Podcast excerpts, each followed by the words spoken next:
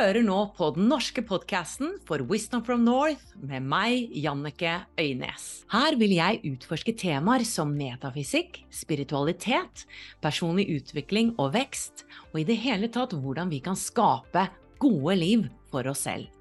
I Wisdom from North brenner vi for å hjelpe deg med å ta din spirituelle vekst til det neste nivået. Derfor samarbeider vi med noen fantastiske lærere og partnere som tilbyr gratis webinarer, klasser og meditasjoner. Gå til wisdomfromnorth.no slash gratis. Ansvarsfraskrivelse. Synspunktene og meningene uttrykket i denne podkasten tilhører gjestene og representerer ikke nødvendigvis de synspunktene eller posisjonene til Wisdom from North eller noen enheter de måtte representere. God fornøyelse! A lot can happen in the next three years. Like a chatbot may your new best friend. But what won't change? Needing health insurance. United Healthcare Tri Term Medical Plans are available for these changing times. Underwritten by Golden Rule Insurance Company, they offer budget friendly, flexible coverage for people who are in between jobs or missed open enrollment. The plans last nearly three years in some states, with access to a nationwide network of doctors and hospitals. So, for whatever tomorrow brings, United Healthcare Tri Term Medical Plans may be for you. Learn more at uh1.com. There's never been a faster or easier way to start your weight loss journey than with PlushCare. PlushCare accepts most insurance plans and gives you online access to board-certified physicians who can prescribe FDA-approved weight loss medications like Wigovi and Zepbound for those who qualify. Take charge of your health and speak with a board-certified physician about a weight loss plan that's right for you. Get started today at plushcare.com slash weight loss. That's plushcare.com slash weight loss. plushcare.com slash weightloss. Hei og velkommen til en ny episode av Wisdom from North sin norske podkast. Og jeg gleder meg på dine vegne i dag, fordi i dag skal du møte en av mine rollemodeller. Det er dronningen, vil jeg kalle henne, Dora Toralsdottir. Hun er helt rå, og jeg ler veldig mye av henne.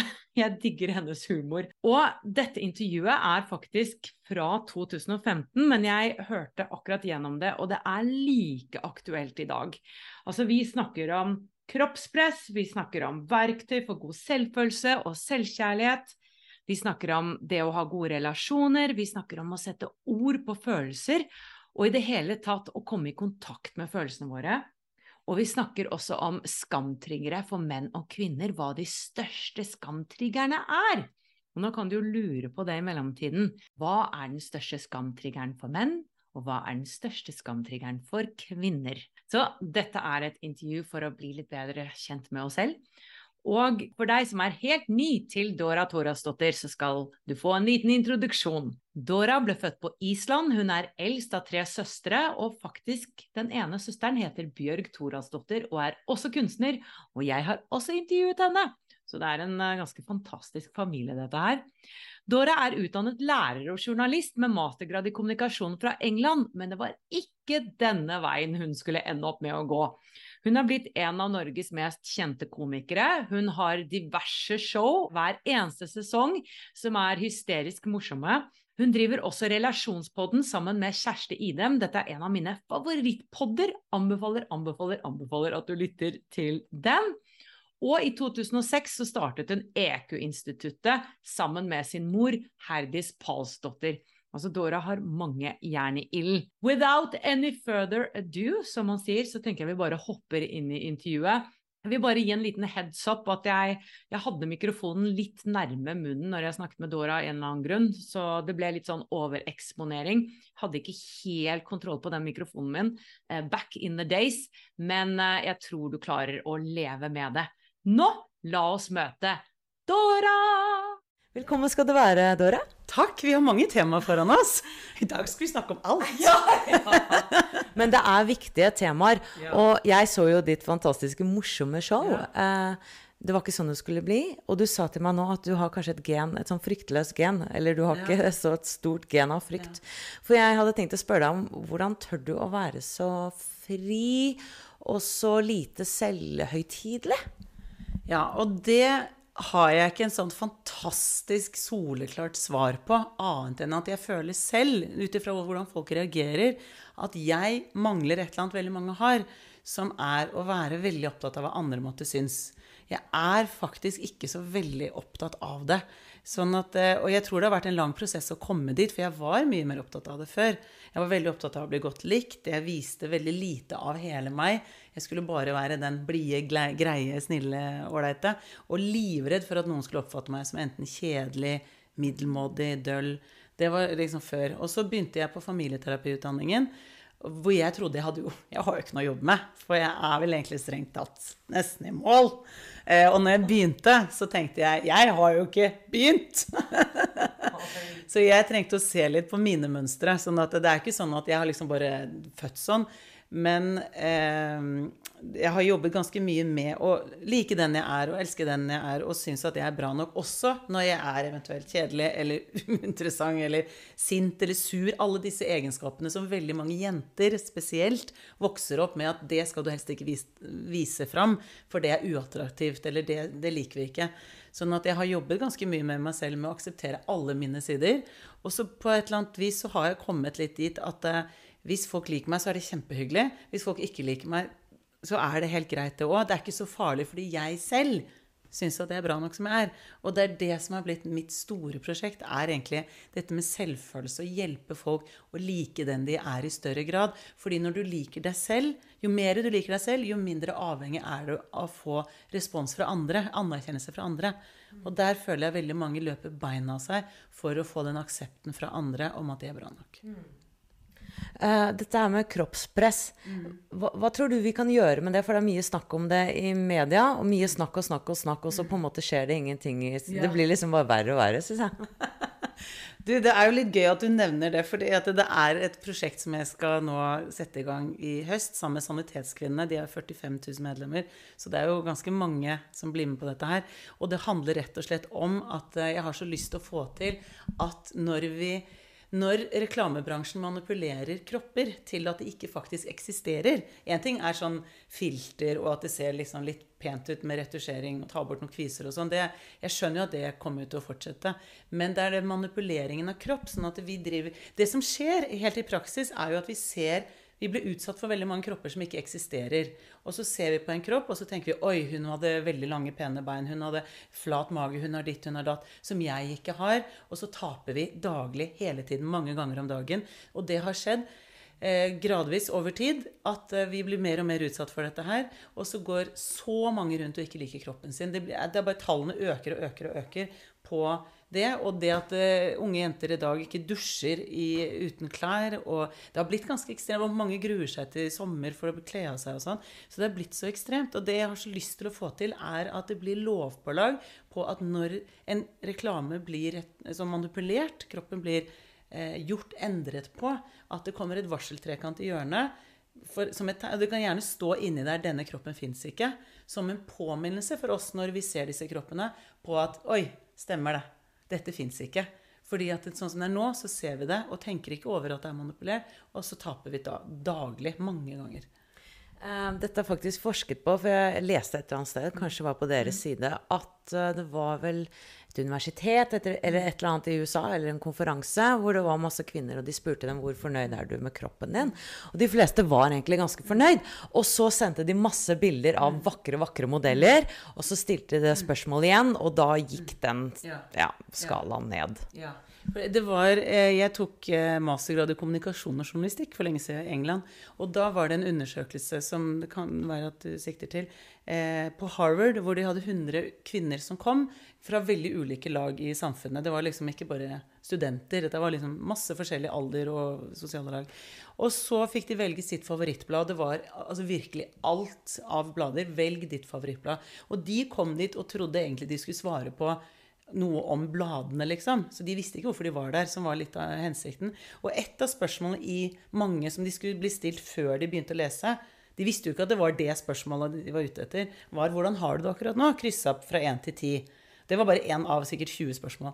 Og så ble de bedt om å lese sitt favorittblad. Altså et blad de virkelig ville lese eh, ukeblad. Og så var det mange spørsmål om bladet og masse sånne ting. Og midt i der så sto det også 'Hvordan har du det?' og fra krysset fra 1 til 10. Så de var ikke så bevisste på For det var ikke bare det spørsmålet ble stilt. Og da 86% gikk ned to eller flere hakk på hvordan de hadde det etter å ha lest sitt favorittblad. Fordi de har sittet og sammenlignet seg i over tid. Og der hvor de der, Hun har finere hjemme enn meg. Eh, hun har finere kropp enn meg. Hun er mer vellykka enn meg. Hun har finere hår. Hun har finere øyne, tenner. Ikke sant? Lista går jo bare hele tiden. For vi har en veldig lei tendens til å sammenligne oss med andre. Og særlig de som vi da syns er finere eller bedre. Og så taper vi. Og så sitter vi der og føler oss mindre verdt. Og så ser jeg også en tendens at uh, jenter er veldig mye opptatt av sminke og kropp og klær. At det er det det handler om på YouTube, og det er det de snakker om. Og da kan vi lett komme inn i stereotypen igjen. ikke sant? At uh, gutta driver med gaming og alt, og vi driver med bare sminke og men um, jeg tror jo det handler om da selvfølelsen og det å elske seg selv. Og, og, dere jobber jo mye med det. Har du noe, på en måte noen verktøy man kan bruke for å øke den graden av selvfølelse og selvkjærlighet? da? Ja, jeg vil jo Dette er sikkert ikke overraskende, men jeg er jo utrolig Hva skal jeg si for noe? Uten tvil sikker på at det hjelper å rydde opp i den bagasjen du har med deg. For jeg tenker vi alle har en sekk på ryggen med vår fortid. Og hvis du er oppdratt med en følelse av å ikke være bra nok som du er, så bærer du den sekken med deg. Da kan du jobbe med tankemønster og det ene og det andre, men den sekken er jo der og gjør livet tyngre. Så jeg er selvfølgelig en utrolig tilhenger av å rydde litt opp i den sekken og bearbeide gammel sorg eller kritikk av å ikke føle seg verdifull. Så terapi er jo jeg da selvfølgelig veldig tilhenger av. Men i tillegg så tenker jeg at det har utrolig mye å si å bli bevisst hvordan du tenker om deg selv. Våre tankemønstre. Fordi når du tenker en tanke, så går den fra A til B i hjernen. Og jo oftere du tenker en hjerne, jo, eh, jo, oftere du tenker en tanke, jo fortere går det. Og de blir automatisert. Og det som er ganske triste tall, er at 95% av de tankene du tenker i dag, tenkte du i går. Så vi, vi går på repeat veldig mye. Eh, så det, det jeg tenker det handler om, er at jeg husker jeg hadde en dame i terapi som var blitt veldig mye kritisert av faren sin for at hun var for tjukk. Og hun var ganske overvektig nå også, og hun kunne ikke gå forbi en speilbilde. Hun kunne gå forbi en butikk med speil Altså hun så speilbildet av seg selv i vinduet. Uansett hvor hun så, hvis hun så seg selv, så tenkte hun 'du er motbydelig'. Hver dag, mange ganger om dagen. Du er motbydelig, motbydelig, motbydelig. Så jobben hennes ble å endre det tankesporet, som gikk virkelig på autopilot, til å begynne å tenke 'jeg er bra nok som jeg er'. Det ble hennes. Det er veldig viktig at du finner ditt sånn mantra. Og det å begynne å jobbe med 'nei, bort, vekk'. Jeg vil ikke snakke så stygt om meg selv. Og rette Det er veldig veldig vesentlig. Hvis du skal si til deg selv 'jeg er bra nok som jeg er', med en lut holdning, så sier alle cellene i kroppen din Jaså? Eh, sånn at det å rette seg opp når du sier det, blir veldig veldig vesentlig. 'Jeg er bra nok som jeg er.' Og begynner, og for da begynner du å lage et nytt tankespor. Og jo oftere du går inn der Så hvordan du tenker om deg selv, blir også eh, veldig vesentlig. Og så tenker jeg dette med å sammenligne er at Dette her er fra Mia Tørnblom, faktisk. Tørnquist? Mia Tørnblom, ja, svenske. Eh, hun har eh, som jeg bare syns er litt klokt også, det er at når du ser noen som er finere enn deg, eller i real life også, og vi sammenligner oss, så har vi en tendens med å Oi, så flink hun er, jeg er dårligere. Oi, så pen hun er, jeg er styggere. Så det å være litt bevisst på å tenke Oi, så pen hun var, og så sette punktum. Ja. Og bare Der er hun. Jeg er her. For å være litt klar over at Og ikke liksom dra seg selv ned, da. For det er det som veldig ofte skjer når vi sammenligner. Ja, og, så, ja. og så tenker jeg at det er veldig vanskelig i dag å eh, jobbe med dette her på en måte, fordi vi dessverre har et samfunn hvor det blir så forherliget å være vakker og pen og det ytre på plass, at du blir så ofte eh, dratt litt tilbake inn i det. Fordi at det, eh, ukeblader, de som er kjente i dag, alle sammen eh, proklamerer liksom Hvis du bare blir pen nok, rik nok, brun nok, kjent nok, da blir du lykkelig. Og så higer alle etter det. Mens jeg har jo hatt mange vellykka, pene, vakre, rike Alt på stell utad i terapi. Og som sier alle tror jeg har det så bra, men så har jeg det ikke noe godt inni meg. Det er jo her. Har du det godt her, så blir alt det andre mindre viktig. Sånn at jeg er så utrolig opptatt av hvordan snakker du til deg selv. Bearbeid gamle ting. Eh, vær snill med deg selv. Raus mot deg selv. Eh, Istedenfor å dra deg selv ned og dra deg selv opp. Og det krever innsats over tid, men det er fullt mulig. Heldigvis. Ja, jeg ble veldig bevisst på denne her sammenligningen for noen år siden. Og da tenkte jeg ja, du kan sammenligne deg, men da kan du la deg inspirere. F.eks. at jeg ser på deg og tenker wow, du får til så mye. Og som du sier, punktet med at ja, men det får ikke jeg, jeg får ikke til så mye. Men wow, jeg blir inspirert av deg. Da kan sikkert jeg gjøre det også. ikke sant? For hvorfor skulle ikke jeg også kunne gjøre det? Så lenge det er engasjement, som vi snakket om i sted. Og jeg tenker du må jo brenne for det du driver med. Og hvis du ikke brenner for det, så kan du jo gjøre noe annet. Altså, da er det ikke det du skal gjøre. på en måte. Ja. Men eh, du er jo veldig opptatt av relasjoner og har et foredrag som heter God stemning. Kan du gi noen verktøy kanskje fra det foredraget om hvordan vi kan forholde oss til hverandre? Ja. Eh, jeg snakker jo veldig mye om at hvis du vil ha gode relasjoner med andre, så er det helt avgjørende at du har en god relasjon til deg selv. For det er her alt begynner. Så hvis du er veldig kritisk mot deg selv, så er det helt unaturlig for deg å begynne å bli raus og kjærlig mot alle andre. Fordi at du hvor, kommer, hvor, skal det komme fra? Det kan ikke bare komme fra intet. Det trenger å komme herfra. Sånn at jeg er veldig opptatt av at eh, essensen av å ha gode relasjoner med andre, er at du har en god relasjon til deg selv. Og at du er ærlig om deg selv til deg selv, først og fremst. Og så, kan, og så speiler det ut igjen. Sånn at den begynner jeg med. Og da er jeg veldig opptatt av å være indrestyrt eller ytrestyrt. Og være litt bevisst på er jeg veldig opptatt av å få aksept fra alle andre for å føle meg verdifull. Eller føler jeg virkelig at jeg er bra nok som jeg er? Og tar jeg valg ut ifra hva jeg vil, eller tar jeg valg ut ifra om jeg må, bør og skal? For det er sånne hodeord, sånne pliktord. Jeg må jo trene, jeg bør jo trene, jeg skal jo trene. Vil jeg? Nei. At det er liksom, Da spør du deg selv. Kjernen av deg. Så ordet 'vil' er jeg også veldig opptatt av. Men det som det foredraget handler veldig mye om, er at vi har konflikthemmende ord, og så har vi konfliktfremmende ord. Som mamma og jeg liksom har satt sammen i rett og slett et system sånn helt smørbrødliste. Eh, og da er det dette med personlig språk, f.eks eh, som er konflikthemmende. Snakke ut fra deg selv. Jeg opplever, jeg mener, jeg tror. For da snakker du ikke på vegne av noen andre. Og det som er det magiske med det, er at hvis La oss si at du er irritert på noen på jobben som kommer til stadighet for seint. Mm. Og så bruker du det som er det motsatte av personlig språk, som er du, mann og vi. Begynner setningen med det. Du kan ikke bare komme når du, sånn, når du føler for det. Man gjør ikke sånn. Vi er jo ikke bedrift hvor vi tar oss sånn til rette. Du må ta det. Da står jeg og sier det er noe gærent med deg. Og da går den andre personen i forsvar. Mens det å bruke personlig språk, da sier du ingenting om den andre. Du sier bare 'her er jeg, og sånn har jeg det med dette her'. Jeg merker jeg blir irritert. Jeg vil at du kommer til den tiden som er avtalt. Jeg føler at det har vært veldig mange ganger du har kommet for sent, og jeg vil at du respekterer at, at, du trenger å være her til klokka ni. Jeg merker jeg blir ordentlig oppgitt. Da har du ikke sagt et ord om den andre. Du har bare sagt 'sånn har jeg det'. Og da blir du tydeligere uten å såre eller krenke den andre. Så det er en av de tingene. Og så snakker jeg bl.a. om dette med å sette ord på følelsene dine. Fordi at hvis du er veldig sint, f.eks. Det å ikke si at du er sint, så kommer det ut likevel. Men da kommer det ut i kroppsspråk, ordvalg og tonefall. Og da blir det gjerne mye mer destruktivt. Da er det sånn 'Alltid skal du drive Og da viser jeg sinnet mitt og får det ut, men på en måte hvor jeg liksom kaster over på den andre. Og det oser. Mens hvis du setter ord på følelsene dine 'Jeg er sint, jeg er lei av dette, jeg er utrolig frustrert, jeg er så forbanna', så blir du litt ferdig med det.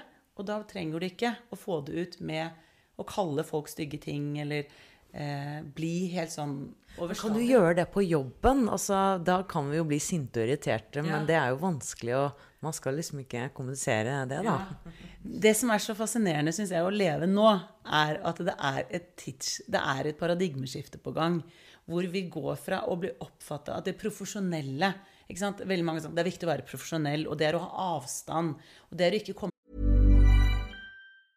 Mom deserves the best, and there's no better place to shop for Mother's Day than Whole Foods Market. They're your destination for unbeatable savings, from premium gifts to show-stopping flowers and irresistible desserts. Start by saving 33% with Prime on all body care and candles. Then get a 15-stem bunch of tulips for just $9.99 each with Prime. Round out Mom's menu with festive rosé, irresistible berry chantilly cake, and more special treats. Come celebrate Mother's Day at Whole Foods Market. Med seg selv. Og det er å liksom melde seg selv ut, og så er man på en måte en, en, i en rolle og en figur på en måte, som eh, representerer noe større. Eh, men så heldigvis så begynner vi sakte, men sikkert å gå over til at vi vil faktisk ha en relasjon med det mennesket som står foran oss, eller kollegaen vår. Hvor, hvem er du? Og det som er helt avgjørende for å komme nærmere andre mennesker, er jo at vi viser hvem vi er. Og når vi setter ord på følelsene våre, da kommer vi nærmere andre. For da, da liksom, nå tar jeg bort dette skallet her, og så kommer du inn i min verden. Så det skaper nærhet mellom mennesker å sette ord på følelsene. Og det er en sakte, men sikker overgang fra å være det vi har kalt for profesjonell. La oss si en sykepleier da, som forteller Jeg beklager å måtte meddele, men eh, de har fått kreft. Altså Hvis du skal ta en sånn ekstremversjon, da, hvor alt skal liksom være uten følelser, så føles det veldig kaldt for den som tar imot. Mens det å by på at jeg er veldig lei ikke sant? Å være til stede, si 'Jeg er så lei meg for dette', eller 'Jeg merker at jeg blir trist når jeg ser dette', så skaper du jo et, et forhold til et annet menneske som er nærere, og som er mye mer menneskevennlig. Jeg tenker vi har levd i et litt menneskefiendtlig samfunn på mange måter i veldig mange generasjoner. Jeg møter jo dette i intervjuene mm. mine nå. Uh, jeg ser jo en del fellesnevnere, mm. bl.a. Wisdom from North, hvor folk snakker om dere må anerkjenne følelsene deres. Mm. Vi er emotional beings, mm. og vi må uttrykke mm. følelsene. Uh, og jeg tenker også at det henger kanskje sammen med et sånt patriarkat. at uh, menn har hatt vanskeligheter med å gråte. De skal ikke gråte. Det er en sånn stereotyp. Uh, og det er mange av de som er i lederstillinger, så da blir det på en måte prototypen. da. Så den feminine verdien, det å vise ja. følelser og være sårbar, det må komme også litt opp og frem, da. Ja. Og det er litt gøy at du sier det, for jeg sier det i foredragene mine. At når jeg sier dette med sett ord på følelsene dine Når det er f.eks. en uenighet så har det vært så undervurdert, dette med følelser. Fordi vi har hatt stort sett menn som har styrt i veldig veldig mange år. Og da har følelser vært en damegreie. For, og det er jo ikke det at menn har noen mindre følelser, men de er oppdratt til å vise de mindre. Så de har stua de veldig mye bort. Og så ender de opp med å løpe Birken, veldig mange. Eller drikke altfor mye. Det er bare for å ta litt ekstremversjonene her. Jeg tenker det er mange som har hatt godt av terapi der. For det er mange måter å flykte fra følelsene på. Men i hvert fall det jeg sier, er at eh, Sånn som bestefaren min, dette er helt sant, han døde i 2003. Da var han nesten 90. Og han mente, og mange med han, dette er helt seriøst, han mente følelser er noe kvinner har funnet på for å gjøre livet vanskelig for menn. Det mente han virkelig. Det var liksom av disse følelsesgreiene. Og det har vi hatt i mange generasjoner. Vi har ikke tatt følelsene på alvor. Og grunnen til at jeg brenner sånn for det, er at følelsene dine, det er det som er deg. Når noen kritiserer det du føler, ikke vær så sur. Det gjør masse med deg. Ja, men jeg har jo lov til? Det er jo noe gærent med deg. Eller eh, når noen ser deg, så er det fordi at du får en følelse av at følelsene dine er greit. Sånn at hvis noen kommer på jobb og sier 'Jeg ser at du, jeg opplever deg litt utafor', eller 'Jeg har hørt at du ikke har det så lett om dagen. Hva skjer?' At da, da, er det en aksept for at du er deg. Og da ah, det gir en trygghet. ikke sant? Deg har jeg lyst til å være i nærheten av. Sånn at vi har undervurdert veldig å akseptere andres følelser, men i aller høyeste grad å akseptere våre egne. Og det jeg syns er så trist, er at eh, veldig mange ikke hører på følelsene sine, og de banker på og banker på. Det skurrer, det murrer, det er noe som ikke stemmer. Og så bare hører vi ikke på det, og så durer vi på, og så blir det høyere og høyere. Og så ender det veldig ofte opp i sykdom, f.eks. For eksempel, fordi vi ikke har hørt på oss selv. Og jeg tenker virkelig at Og nå peker jeg på magen her, for det er her følelsene er. Eh, at følelsene våre er kompasset i livet. Sånn at hvis du tenker at eh, din vei er nord, da, bare for å Wisdom from North og Nei, men tenker bare at din vei er nord. Med en gang du driver med ting som ikke er bra for deg, du er sammen med mennesker som ikke gir deg noe, eller holder på med ting som egentlig er noe annet enn det du innerst inne vil, så går den pilen ut av kurs, og da sier kroppen ifra gjennom følelsene. Nå gjør du ting du egentlig ikke vil. Nå driver du med ting som tapper deg, eller som du gjør for å please andre. Og så skurrer det, og så murrer det, og så blir du sliten, og så mister du energien. Det er deg selv følelsene dine som prøver å fortelle deg Du, ut av kurs. Og hvis du er opplært til å ikke høre på deg selv og ta dine følelser på alvor, så ignorerer du og ignorerer. Og det gjelder fryktelig mange. Og så ender det veldig ofte at det blir en smell. Det, blir, ja, det, det slår ut på veldig mange ulike vis. Men jeg har veldig mange av de i terapi som ikke har hørt på seg selv. Og når jeg sier seg selv, så er det følelsene jeg snakker om. Du ikke tar følelsene dine på alvor når de kommer. Opplever du at uh, du ser at menn uh, spesielt klarer da etter hvert å omfavne følelsene sine?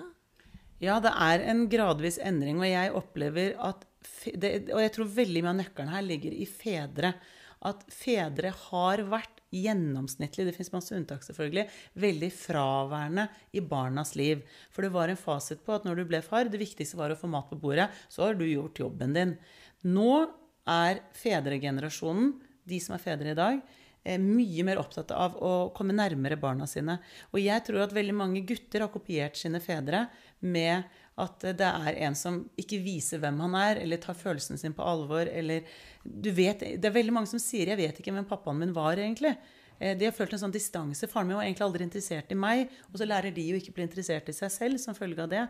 Så jeg tror at det at vi har nå heldigvis et skifte i farsrollen også. At det er mye mer tilstedeværende fedre nå. Gjør mye med de guttene som vokser opp. Fordi det de lærer da, er at jeg er interessant, jeg er spennende. Fordi pappa syns at jeg For det barn vet, er at det foreldre bruker tid på, det er viktig. Så når far bruker veldig mye tid på jobb, som har vært den store klisjeen i mange år, at pappa er på jobb, og nei, pappa skal liksom lese avis, og, så lærer barna at det pappa bruker tid på Eller det er sånn barn er, da det pappa bruker tid på, det er viktig. Når han ikke bruker tid på meg, betyr at jeg ikke er viktig. Mm. Jeg tror barn i dag, og da gutter, hvis vi skal snakke om kjønnsrollemønstre, føler seg mer sett av sine fedre, og så begynner de å ta seg mer på alvor. Og, så er det et, og det skjer jo sakte sånne endringer, men jeg er veldig optimistisk på at vi begynner å få mer androgyne mennesker som begynner å ta seg selv mer på alvor, og ikke det store skillet mellom dere som er jenter, kan ha følelser, men helst vis bare de positive. Og så eh, Og dere gutter, dere har bare én følelse, liksom, eller to. Det er glede å, stå på, og dere kan kanskje vise sinne, men for guds skyld ikke vise sorg. Og jeg syns det er kjempeinteressant, men Brené Brown hun har jo skrevet mye om Hun skriver om sårbarhet og skam. Og det jeg syns er utrolig interessant, er at det er to ting som vekker skam hos kvinner. Sånn, og så er det én ting som vekker skam hos menn. Og hos kvinner så er det morsrollen. Hvis du kommenterer noe At du ikke har vært bra nok som mor ikke sant? 'Å ja, så du bare slipper av barna dine på fotballtrening, du?' Du er ikke der. Ikke? Det skal lite til en mann som hører det, hadde sagt sånn Ja, men han er ti år. Det går bra. Det har ikke noe med meg som far å gjøre.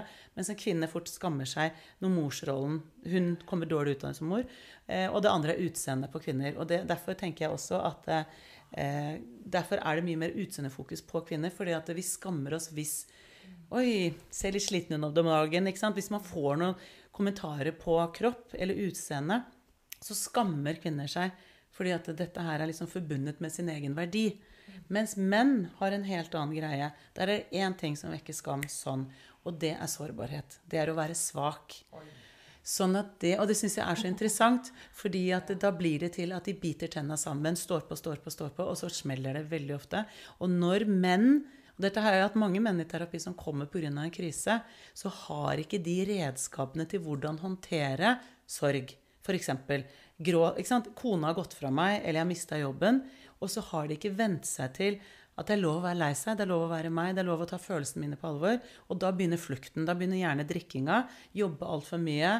Eh, kjøpe 42 par ski og liksom gå helt Bare være i det for å stikke av fra de følelsene som banker på. Eh, og det er det jeg tenker at det blir så interessant hvis vi nå får gutter som vokser opp, som føler at det er mer plass til å være sårbar, være usikker, være redd, vise 'jeg får ikke til alt'. Vi har forherliget det i altfor lang tid. Wow, dette var interessant. Det er så hyggelig. Ja. ja. jeg ble veldig inspirert. Og jeg må bare si en ting, for jeg så på TV en politiker som eh, ble litt eh, berørt, eller fikk litt tårer i øynene. Og så bortforklarte hun veldig det i ettertid. At 'nei, jeg ble ikke berørt', og 'nei, det var ikke noe tårer'. Og, og så tenkte jeg men i all verden Jeg er veldig emosjonell da, og har sittet og grått på kafé, og, men uh, har jo en skuespillerbakgrunn. Så da, der er vi jo veldig i kontakt med følelsene.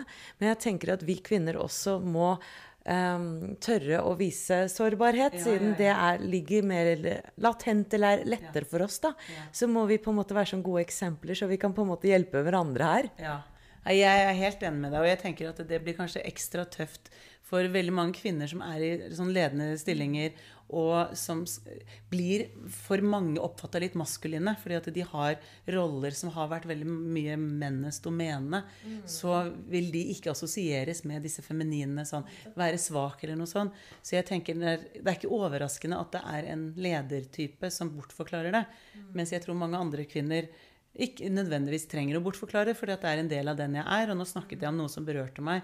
Men jeg tror absolutt at det hjelper hvis Jeg er veldig opptatt av rollemodeller. At eh, jeg tror at det gjør veldig mye med oss å ha kvinner å se opp til. Eh, det er hun eh, Hva heter hun igjen? Ali Hishi Hun som bodde i Nederland. Han Theo van Gogh ble drept. Han skulle lage dokumentar om henne. Hun er fra Somalia, vokste opp i eh, Etiopia og Somalia. Nå bor hun i USA. Men hun har skrevet noen bøker om det og hva skal til for at de mest undertrykte kvinnene kommer seg ut. Og det hun Det er tre ting. Rollemodeller, rollemodeller, rollemodeller. Det er det hun sier. For vi trenger noen som viser vei på at det er mulig. Og jeg syns det er utrolig vesentlig at hvem som viser vei, blir eh, hun, Nå virker det som jeg driver med veldig mye name-dropping, men det er, det er bare det er for å liksom, gi kred til de som kommer med disse referansene. Men hun eh, Sheryl Sandberg, som er sjefen i Facebook Hun var jo sjefen i Microsoft før. Hun har jo skrevet en bok som heter Lean In. Og så har hun et eksempel der på to barn som lekte i Tyskland, for hun har en venninne i Tyskland. Eh, to barn på åtte år som lekte. Og så fant de ut at de skulle leke forbundskansler og medhjelperen. Og så sier han gutten, for det var en gutt og en jente, eh, jeg vil gjerne være, for, vil være forbundskansler. Og så sier hun jenta helt sånn forundra Det kan jo ikke du være, du er jo gutt. Og da tenker jeg sånn!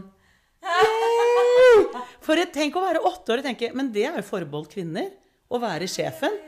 Og det er, jeg tenker bare hvor vesentlig Jeg tenker for Barack Obama å være svart for svarte USA. Jeg tenker eh, Det at vi har Erna, fantastisk. Og at ikke hun er sylslank, syns jeg også er helt supert.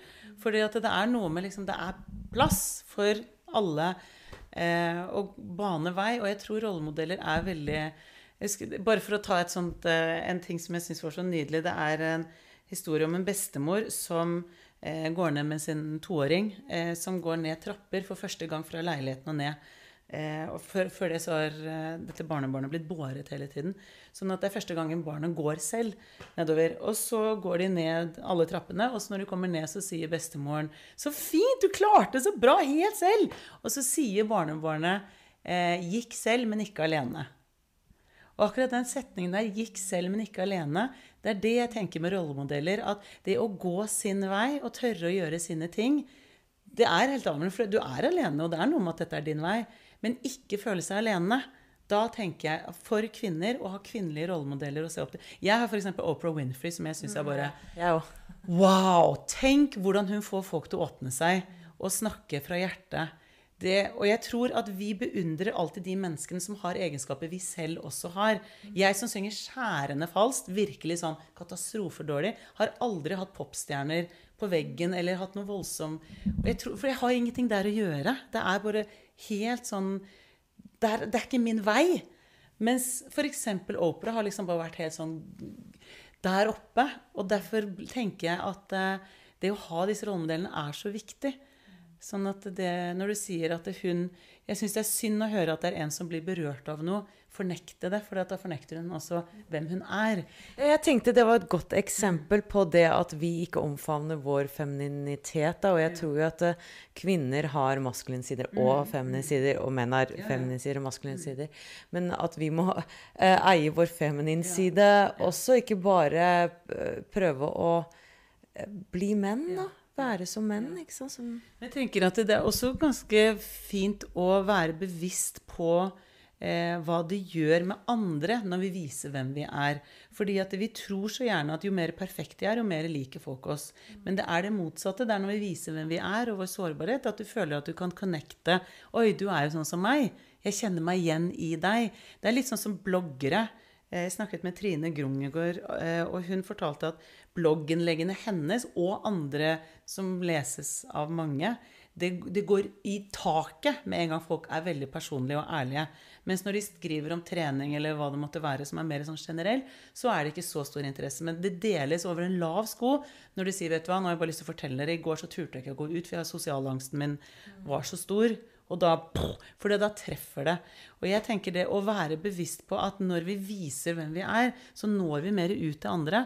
Og jeg, bare for å ta et eksempel som jeg syns er interessant Nå har jo dronning Sonja vist mye mer hvem hun er, føler jeg, de siste årene. Hun har blitt mye mer rørt, f.eks. Hun kan snakke om barnebarn og ble rørt, så jeg en gang. Mm. Uten å unnskylde det eller bortforklare det. Men det var en periode hvor hun virket Og jeg tror det var en tid hvor hun var dronning, hvor det var liksom veldig viktig å virke helt perfekt og helt sånn plettfri. Mm. Eh, og det jeg bare eh, husker jeg leste, var at eh, hun, det kom en eh, biografi om dronning Sonja samme uke som det kom en biografi om Diana. Dette var lenge siden. altså Det var da prinsesse Diana døde. Eh, før hun døde, mener jeg. Eh, og den biografien om eh, Diana den solgte altså helt sinnssykt, mens dronning Sonja solgte lite. Og det jeg tenker det handler veldig mye om, er at Diana var bulimiker. Hun rødmet veldig lett. Hun, alle så at hun var veldig usikker på seg selv i veldig mange settinger. Hun var skilt. Hun, det var liksom så mange ting ved henne som gjorde henne så menneskelig.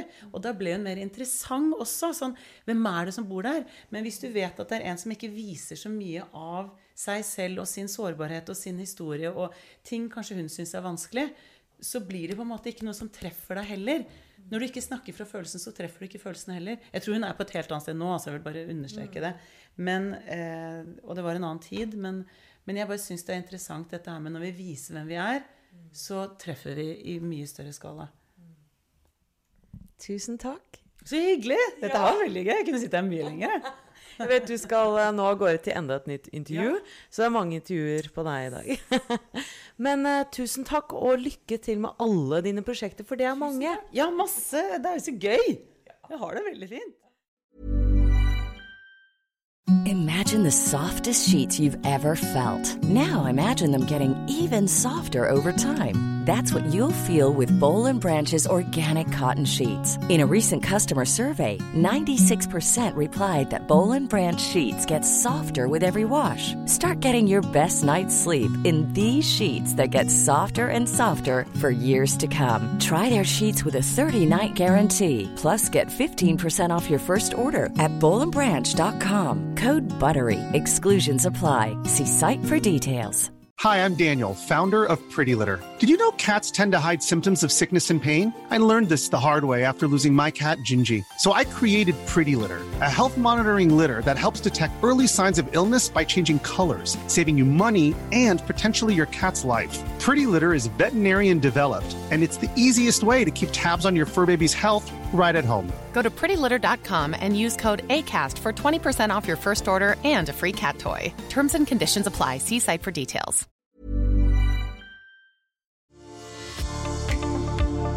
Ønsker du å utvikle deg som menneske, åpne opp mer for din livsoppgave og utforske en dypere mening med ditt liv? så er du hjertelig velkommen inn i Wisdom from North medlemskap. Og det finner du på wisdomfromnorth.no slash medlemskap. Om du vil gå enda litt dypere, så finner du alle våre norske nettkurs på wisdomfromnorth.no og våre engelske nettkurs på wisdomfromnorth.com. Du finner oss også på Instagram, Facebook og YouTube ved bare å søke på Wisdom from North. Vi høres igjen!